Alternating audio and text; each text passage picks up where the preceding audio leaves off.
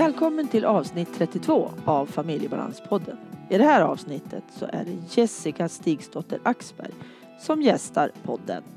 Hon skriver och illustrerar böcker, bloggar och sprider kunskap runt neuropsykiatriska funktionsnedsättningar eller funktionsvariationer, alltså NPF. Ann-Katrin Noreliusson heter jag som driver Familjebalanspodden. Jag arbetar med att hjälpa människor som har någon diagnos inom NPF så att de ska få tillgång till hela sig själv. Bland annat att förstå vad de ska göra mer av för att må bra och göra mindre av för att det inte funkar. Jag föreläser också inom NPF och sånt som finns runt de här olika diagnoserna. Jag är också förälder till två barn med diagnoser inom NPF. Det är bland annat de som varit mina läromästare och inspiratörer till det jag gör idag. Gå gärna in på familjebalans.se. Där hittar du bland annat min blogg och Familjebalans Facebook-sida. Men nu kör vi igång!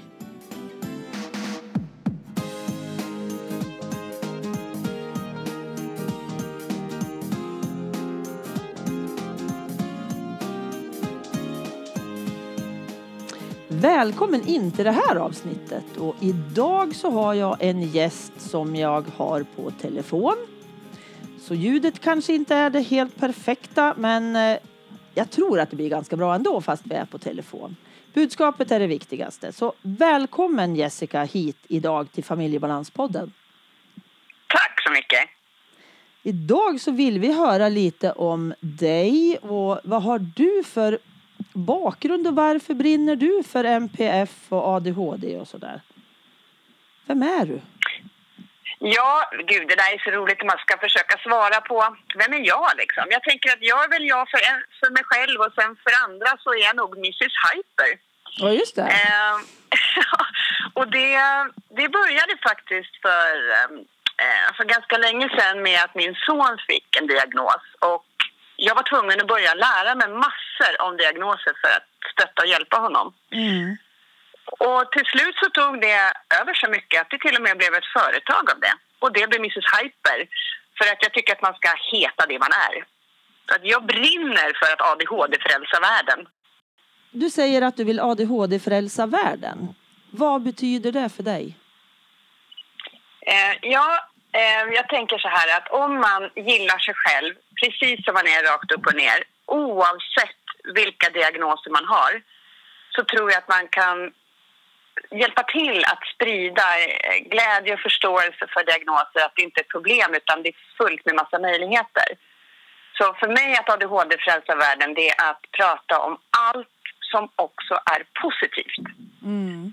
Mm. Det är jobbigt att ha svårigheter och massa problem men jag, har liksom, jag lider av något som kallas för positive thinking. Det vill säga jag har en förmåga att verkligen se positivt på det mesta. Mm. Och hittar jag ett problem, då vet jag att det finns en lösning. Okej. Okay. Finns det alltid en lösning? Ja, och jag tänker så här att lösningen kanske inte alltid är att det blir kanonbra. Men det kanske ändå är en förflyttning åt något håll. Mm. Um, och så får man liksom med livet då och då ta steg för steg och till slut har man hittat de strategierna man behöver. Mm. Jag tänker att det provocerar nog en del också just det där att all, det finns en lösning på allt, en möjlighet i allt. Ja, men en, en, ja, och det gör det ju. Jag har ju fått ganska mycket påhopp ibland att folk tycker varför säger du så där? Det här är ju skitjobbigt. Mm. Uh, och då brukar jag säga det, ja men om jag tittar på mitt eget liv och tänker jag, jag är inte särskilt ordningsam. Nej, men då ska jag inte ägna mig åt sådana saker. För att oavsett om jag har diagnos eller inte, det jag inte är bra på, om jag ska liksom försöka vara kvar i det jag inte är bra på hela tiden, då kommer jag inte gilla mig själv. Nej. Utan då är det bättre att jag söker mig dit där saker funkar. Precis. Har du något konkret exempel då, som hur du gör till exempel, när du har tillkortakommanden eller saker som inte funkar för dig. Hur gör du då för att kompensera det liksom? Ja, men det kan man ju... Ja, gud. Jag har tusentals idéer. Det beror ju helt på vad det är. Men Mm. en konkret idé till exempel i mitt liv, en jättestrategi, det Mm. var valet av min partner. Okej. Han är jätteordningsam. Ja. så det är också en strategi. Eh, och, och hans strategi var ju då att han behövde någon som livade upp lite livet. Okej. Och då valde han mig. Så jag menar, vi har olika personer i livet också som hjälper oss med olika saker. Mm. Men tänker du att det är, alla de där valen är medvetna eller kan de även vara undermedvetna alltså? Nej, de kan vara helt undermedvetna eller omedvetna. Så Mm. det, det, det är jag övertygad om. Mm. För jag tänker, jag lever ju också med en man som är väldigt strukturerad och jag är ju en Ja. strulputta själv. Som inte får ihop all den där strategin som jag, Ja. eller strukturen som jag behöver. Och det var ju väldigt intressant att, eh, ja men precis, så kan det ju Ja. vara. För han behöver ju Ja. också kanske någon som pladdrar på lite ibland. Sådär, Ja. bara är sådär. Mm. Så då har vi något, det blir något bra där ändå. Ja, och jag tänker också att en strategi ibland kan vara, alltså hittar man ingen lösning, då kanske man också bara helt enkelt ska släppa det. Mm. Låt det vara. En acceptans på något vis. Ja, precis. Att acceptansen kan göra också att det blir lite enklare. Att jag inte stångar med de där sakerna som jag ser, det här funkar ju inte ändå. Precis. Det här lite med att, som jag brukar säga, att kapitulera. Ibland måste jag Ja. kapitulera. Jag får inte tappa hoppet. Men jag behöver lägga ner att det funkar ju inte. Då måste jag sluta stånga med det där liksom. Ja. Precis. Ja, men det är Så för mig jätteviktiga har saker. det, ja. det har Mm. blivit liksom mitt, vårt motto, vår familj och det är vår ändra uppfostringsregler om vi nu har någon. Ja. Det är alltså allt som inte funkar är fel. Allt som funkar är rätt. Ja. Och så jobbar vi. Och då gäller ju det, det för min son, för mig, för min man, för min dotter och i vår familj. Ja, precis. Ja, det blir ju färre strider tänker jag. Ja, ta bort alla strider. Ja, ja men precis. Det, det, det måste ju vara något jätteviktigt innan jag gör ett krig och en strid av sakerna. Ja, Så är det ja men verkligen. Ja. Men hur har det varit? För du har ju barn med ADHD Ja. och det är ju därför du brinner för de här frågorna. Ja. Men hur, hur har det funkat? För jag stöter ofta på människor som har skolan som det största problemet. Ja, och det, det har ju vi haft också. Jag kan ju berätta lite om eh, Viktors historia. För att när han var liten eh, och gick på förskola redan så var det jättejobbigt och vi hade jättemycket problem. Mm. Eh, vi hade ständiga samtal med barnhälsoteamet och vi försökte berätta hur vi gjorde hemma och de försökte berätta hur de gjorde där. Men vi kom inte framåt. Nej. Så att inte förrän han började förskoleklass så var det ju en lärare där som sa vi vill göra en utredning på, på någonting och vi fattar ju inte alls vad en utredning, det lät ju hemskt. Mm. Eh, eh, han är bara lite vild sa ju alla, det är inget fel på honom, han är bara lite vild. Men han var ju lite vildare än alla andra. Liksom, Mm. det var, han var lika vild som alla andra tillsammans. Ja. Så att han var ju hundra gånger mer. Ja. Men när vi gjorde den här utredningen och läste igenom alla dessa frågor och plöjde igenom svaret och liksom såg att oj, vad mycket det är som inte funkar i hans liv. Då fick vi, liksom, vi fick lite objektivt se på det på ett annat sätt. Mm. Då förstod jag också hur jäkla tufft det var att vara han. Mm. Och det var där någonstans, när jag såg allt det där, då kunde jag också se att men precis på andra sidan, svårt att koncentrera sig, så tänker jag, lätt att koncentrera sig. Vad har han det på? Jo, på musik eller på spel. Aha, då är det där vi ska jobba. Du tänkte så redan då alltså? Ja, det bara kom liksom. Det var Jag är häftigt. född sån. Ja men precis. Och tack och lov för det. Okej. Ja. Men vidare sen i, i skoltid och sådär då? Ja, och då var det så här att det, det funkade inte. Jag var tvungen att vara i skolan. Eh, och det som var häftigt för mig då var att jag följde ju efter honom. Jag punktmarkerade ju honom, för jag var ju van att göra det hemma. Mm. Hemma hade vi alltid delat upp, eh, vi hade varannan timme. Så min man tog udda timmar och jag tog jämna timmar, eller tvärtom. Okej. Och så jobbade vi så. Så var vi med Viktor, för han var så intensiv. Så han behövde någon med sig hela tiden. Ja. Okej. Så att eh, jag var van att bara hänga på. Jag såg direkt när han var på väg att sno någonting från någon annan som jag såg det där kan bli konflikt. Så när han typ sprang i korridoren och tog något från ett annat barn, då stod jag redo på andra sidan och tog det från Viktor och gav tillbaka till barnet. Vet, det gick blixtsnabbt. Jag var så van att göra det här. Ja. Så att skolan lärde sig att hantera Viktor, för de såg hur jag gjorde. Okej. Och jag hade, det var bara automatiskt. Jag tänkte inte ens på att jag gjorde det här. Nej. Vilken förmåga. vi, ja, men alltså, vi släckte bränder redan från början och har liksom på något sätt alltid försökt att se alltså, precis innan det händer. Mm. Att förebygga. Jag visste inte ens att det fanns ett ord som hette förebygga. Men det var tydligen det vi gjorde. Ja, men absolut. Ja.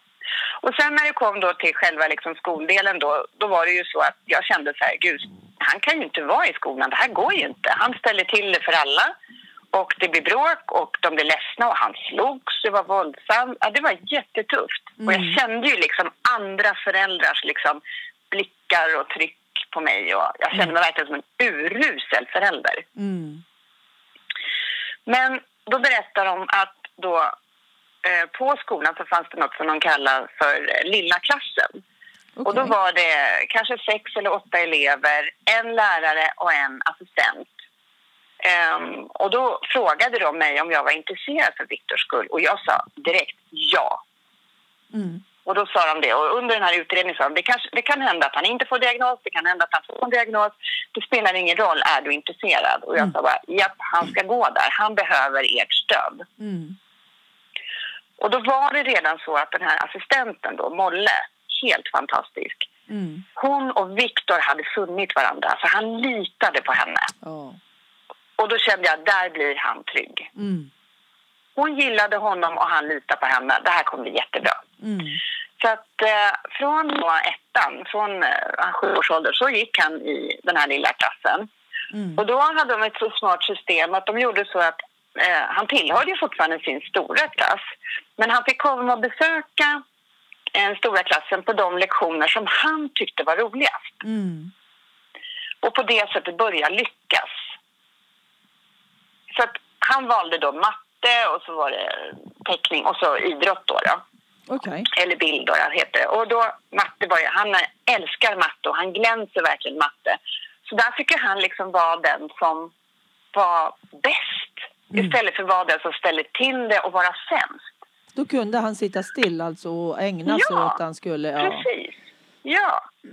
Och sen så liksom tillbaka då till lilla klassen och ha de andra lektionerna. ja. Fantastiskt. Ja, och när det han var sju år då fick han ju diagnosen ADHD och började med medicin. Så att, Mm. ja. Blev det skillnad då det med funkar. medicinen?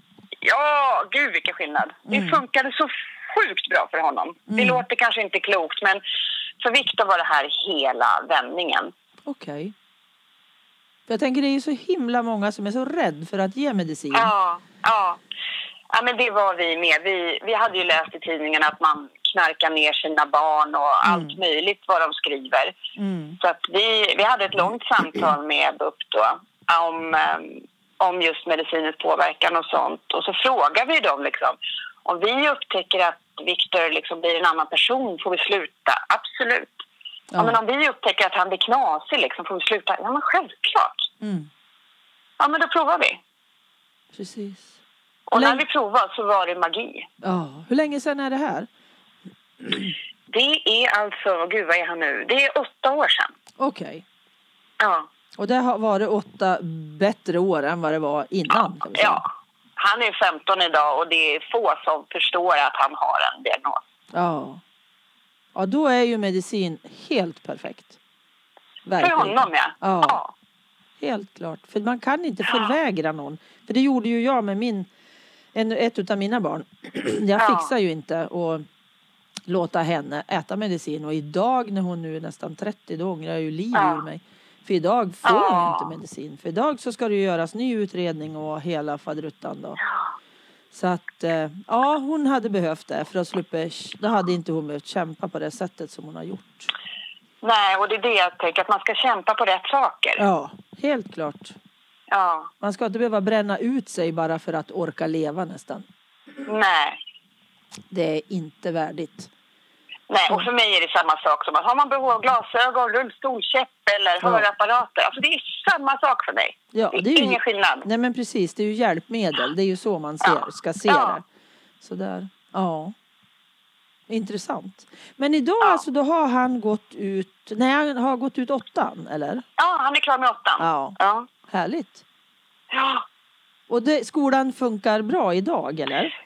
Ja nej, men det är intressant. Han har ju inget extra stöd eller någonting så här. Och, och de ämnena som han gillar, de har han A och B i. Det är helt fantastiskt. Ja.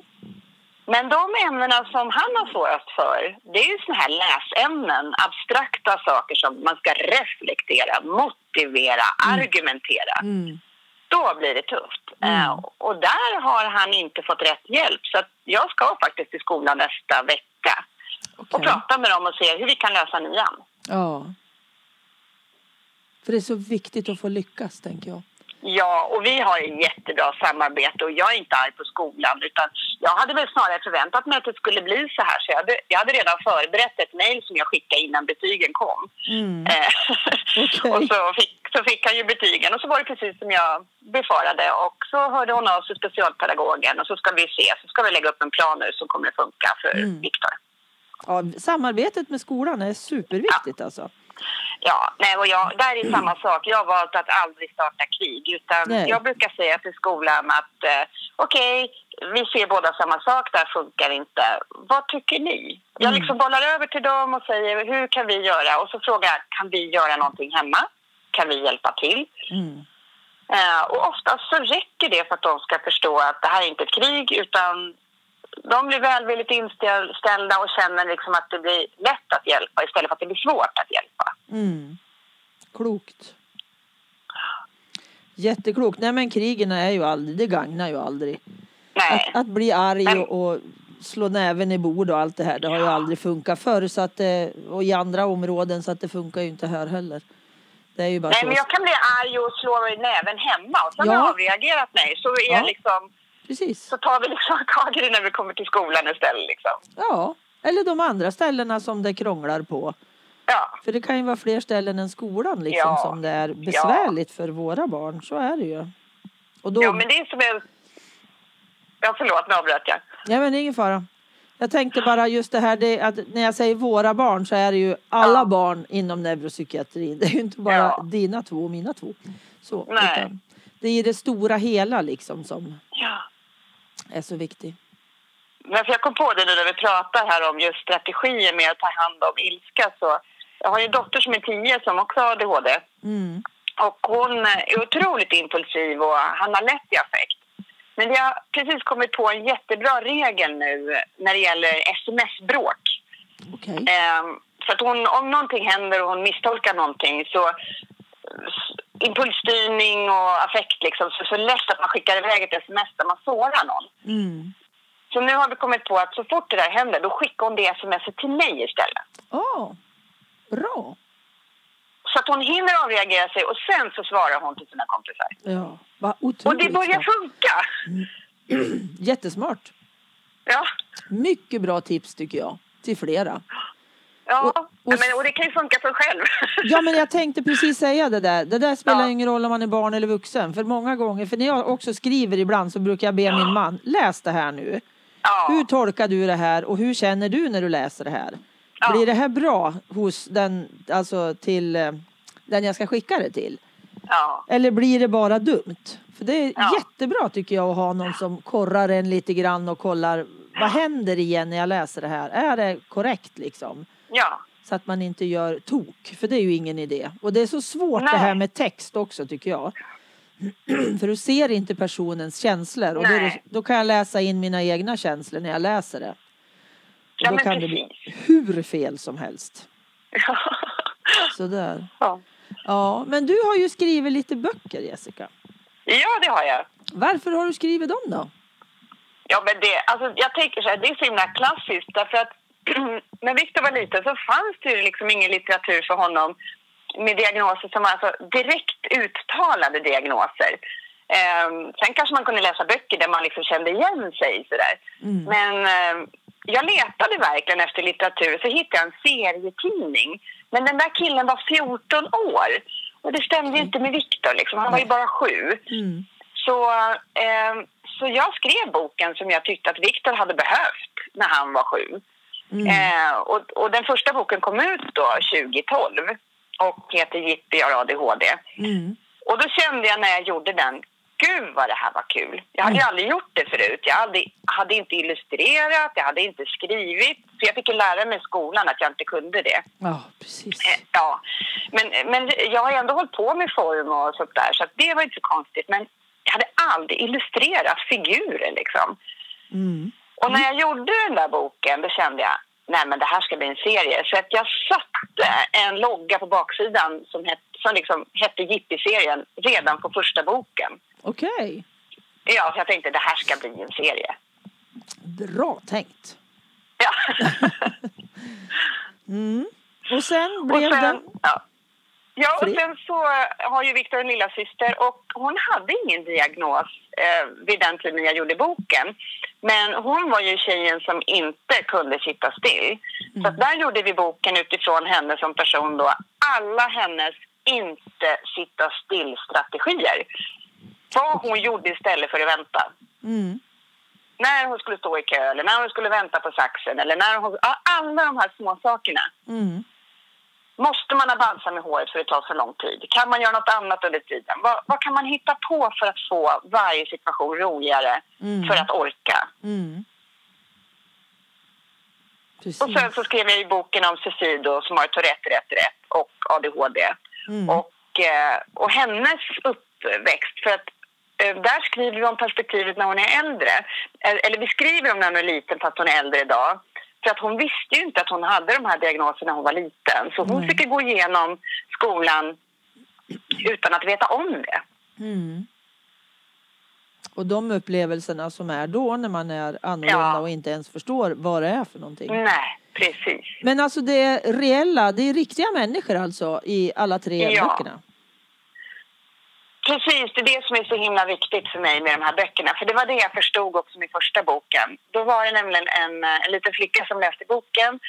Eh, och hon, vi känner varandra på ett lite avstånd så hon visste att den här pojken fanns. Mm. Och när de var hos läkaren och hon skulle få medicin så frågade läkaren henne ehm, Känner du någon som äter medicin? Ja, det gör jag. Jag känner Viktor. Mm.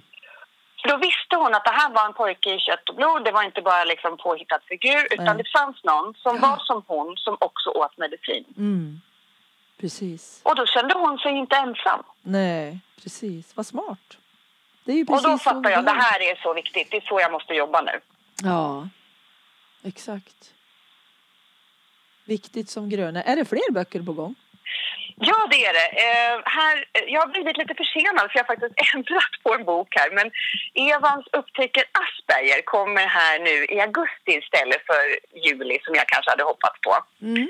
Eh, och sen har jag faktiskt gjort en bok som absolut inte har med NPF att göra. Och det är om en flicka som har psoriasisartrit. Jaha. Och det är som att ha reumatism Ja. när man är liten. Eh, och, ehm, så att jag tänker att jag tror att Jippi-serien kommer att utvecklas till barn med både NPF och andra sjukdomar eller funktionshinder. Mm. För att jag känner att barnen behöver eh, få känna igen sig i barn som har varit med. Absolut. Om Så det här, ja. himla viktigt. Helt klart. Gud vad häftigt. Vad roligt. Ja, det är jättekul. Det förstår jag. Men alltså då när du illustrerar säger du. Ja. Hur, alltså ritar du då eller ritar du i datorn eller hur funkar sånt? Jag ritar i datorn. Okej. Ja, för jag är lite så här att om jag ritar på ett papper och jag tycker att det blir fel, då kan jag inte fortsätta. Så då måste jag börja ta ett nytt papper. Men i datorn är det så befriande, för där liksom vet jag att jag kan förändra hela tiden. Mm. Och jag har lite ångest inför varje gång jag ska rita någonting. Men då har jag gett mig själv eh, en teknik att jag tar en gammal teckning och så ritar jag om den. Och till slut så är allting utbytt. Okej. Och då känns det inte som att jag börjar på ett blankt papper utan det känns som att jag bara fyller på och förändrar. Då är det Smart. lättare för mig. Mm. Absolut. Det här är ju verkligen någonting som gagnar fler inom MPF tänker jag. Just det här Ja. hur svårt det är att börja från ett. Ja, För jag satt och läste en artikel häromdagen. Jag läser ju allting bakifrån. ja. idag förstod jag varför jag gör det. När jag, Ah. ser, när jag sitter och läser en artikel och så börjar jag från början, då har jag ju hur långt som helst kvar ner till slutet. Ja. Men om jag läser sista stycket först, då blir ju Ja. det snabbt klart. Så hoppar jag upp och så läser jag stycke, alltså näst sist, så blir det klart och så hoppar, så går jag sådär. Och jag, får, Ja. jag fattar ändå av någon underlig anledning. Jag har alltid läst, inte böcker då, kan ju inte läsa bakifrån. Men sådana här lite kortare text, texter som ändå är för långa för mig. För Ja. att jag klarar inte att se hela det här långa framför mig. Det går inte. Jag måste liksom ta det så att det känns i små portioner på något vis.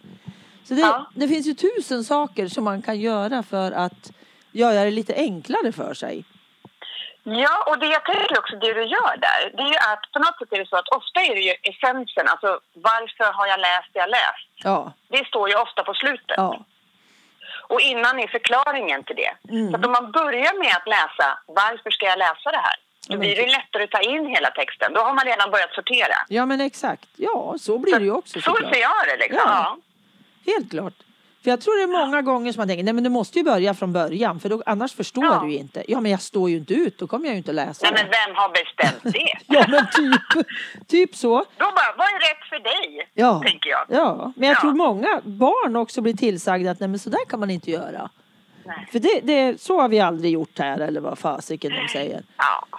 Så att det är så viktigt att hitta sin grej och sin struktur eller strategi liksom. Ja, Det är så det är det. otroligt viktigt. För att man ska orka liksom hela vägen fram.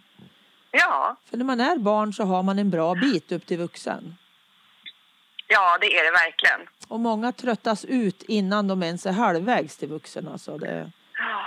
så att, eh, det är jättehäftigt med dina böcker framförallt som, som gör att andra får känna igen sig och känna att det finns någon, som du sa, med kött och blod. Någon Ja, som lever, ja. som har haft det så här. Det är ju superviktigt. Men sen vet jag att du har ju skrivit fler böcker. Ja, sen har vi hypersjälar också. Ja. Ehm, och, och den boken skrev jag tillsammans med Anja Wikström och Malin Rocka Ahlgren. Ehm, och de är ju också två ADHD-författare kan vi väl säga. Alltså vi har gjort böcker med det inom de ämnena. Och, eh, och det var ju Malin och Anja som hade träffats nere på bokmässan och jag hade träffat Malin eh, precis innan de åkte ner eh, via sociala medier. Det är så vi lärde känna varandra. Eh, och, och, och de ville göra något projekt och så kom de hem och jag sa jag vill också vara med. Mm. Och då så bara körde vi igång det här. Men du vet så fort vi var klara med den boken så kände vi bara att den här boken kunde vi liksom ha tusen hypersjälar i. För vi upptäckte ju bara fler och fler under resans gång. Ja. Så och hypersjälar, då menar ju vi alltså människor som är eldsjälar inom ett område som ADHD och autism. Och man kan både vara i professionen, man kan också jobba ideellt eh, eller vara en förälder, det spelar liksom ingen roll. Nej. Men någon som stod ut lite. Ja. Eh, så 27 stycken personer har vi intervjuat i den boken. Wow. Kul. Ja, och då kom- kommer man faktiskt kunna läsa om fyra stycken från den boken på Special Nest här i sommar faktiskt, som sommarläsning. Jaha. Ja, Vad bra. mm.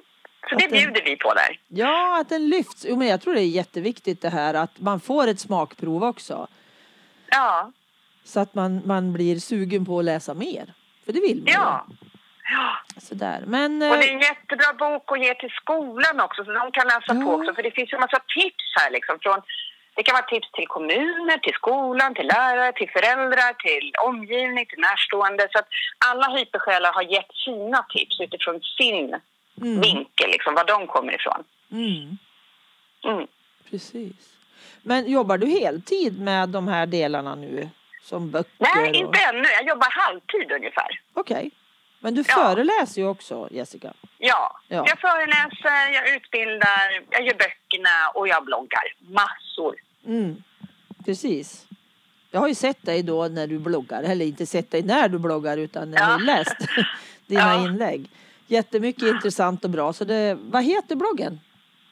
Det är på min hemsida då, mrshyper.se. Ja, då hittar man dig där. Ja. Precis, jättebra. Ja. Jag tänkte vi kommer strax att avrunda. Jag skulle kunna suttit hela Ja. dagen men vi ska inte ha Ja. längre än runt 30 minuter har jag tänkt. Så att, eh, Nej. är det något mer som du skulle vilja fylla på med? Något litet tips eller någon tanke eller sådär? Nej, men för mig är, är det ju det här mottot att ständigt påminna sig om vad som är rätt för mig Mm. och vad som är rätt för dig. Att vi är så himla olika och att vi måste få vara det. Mm. För det är där vi kan växa och bli liksom fantastiska. Det är så jag ser det. Mm. Inte när vi härmar andra. Nej, precis. Och att få vara, det- få, få bli stärkt Ja. i sin egen person liksom. Ja, det är jätteviktigt. Precis. Och sen liksom, man får vara arg, men det är liksom, förlåt dig själv och gå vidare liksom. Ja. Gör det enkelt, gör det inte så svårt. Nej, och inte skada sig själv och inte skada andra. Nej, nej. Utan att man, man, gör, man får ju göra så gott man kan och det måste vara Ja. gott nog. Ja, Precis. Jättetrevligt att få ha dig med i dagens ja. avsnitt Jessica. Jättekul. ja, jag är jätteglad att få vara med här. Vi Jag har hade- längtat. Ja, vi hade ju lite stök här innan vi har fått till det här. Vi har hållit på ganska länge för att vi skulle få till ett poddsamtal. Men nu Ja. har vi gjort det. Nu. Jätte, Ja. jättehärligt. Jag är så glad att du ville vara med och jag tackar dig så hemskt mycket. Ja, tack så mycket. Och tack till alla som lyssnat och hej med er allihopa! Avsnittets boktips kommer apropå att det är Jessica som var min gäst idag. Så är det hypersjälar inom ADHD och autism. Det står så här. 27 hypersjälar delar med sig av sina bästa tips. Alla brinner de för att hjälpa, stötta, lära, öka kunskapen inom området som berör ADHD och autism. Några är yrkesverksamma, andra är privatpersoner, föreläsare, författare, journalister eller från föreningar. Förutom de 27 hypersjälarna intervjuas också en superentreprenör, en musiker, en tv-profil, en arbetssökande, en silversmideskonstnär. I slutet av boken har vi samlat tillgänglig fakta om ADHD och autism och några diagnoser till som dyslexi, dyskalkyli. Du kan med fördel använda boken till att motivera politiker, BUP, alltså barn och ungdomspsykiatrin, skolor och föräldrar för att skapa en hållbar förändring för människor med en NPF-diagnos. Och som ni vet så står ju NPF för neuropsykiatriska funktionsnedsättningar. Eller funktionsvariationer som en del väljer att säga. Vi hoppas verkligen att du ska ha nytta av boken. Den här boken kan göra skillnad så hjälp oss gärna att sprida den. Finns på ISBN-nummer 9789 188 387103. Tack till dig som lyssnat. Tack till Pelle Zetterberg för musiken. Pernilla Wahlman som fotade, Marcus som fixar poddloggan och till Anders för att du redigerar mitt prat. Hoppas vi hörs igen. Hej då!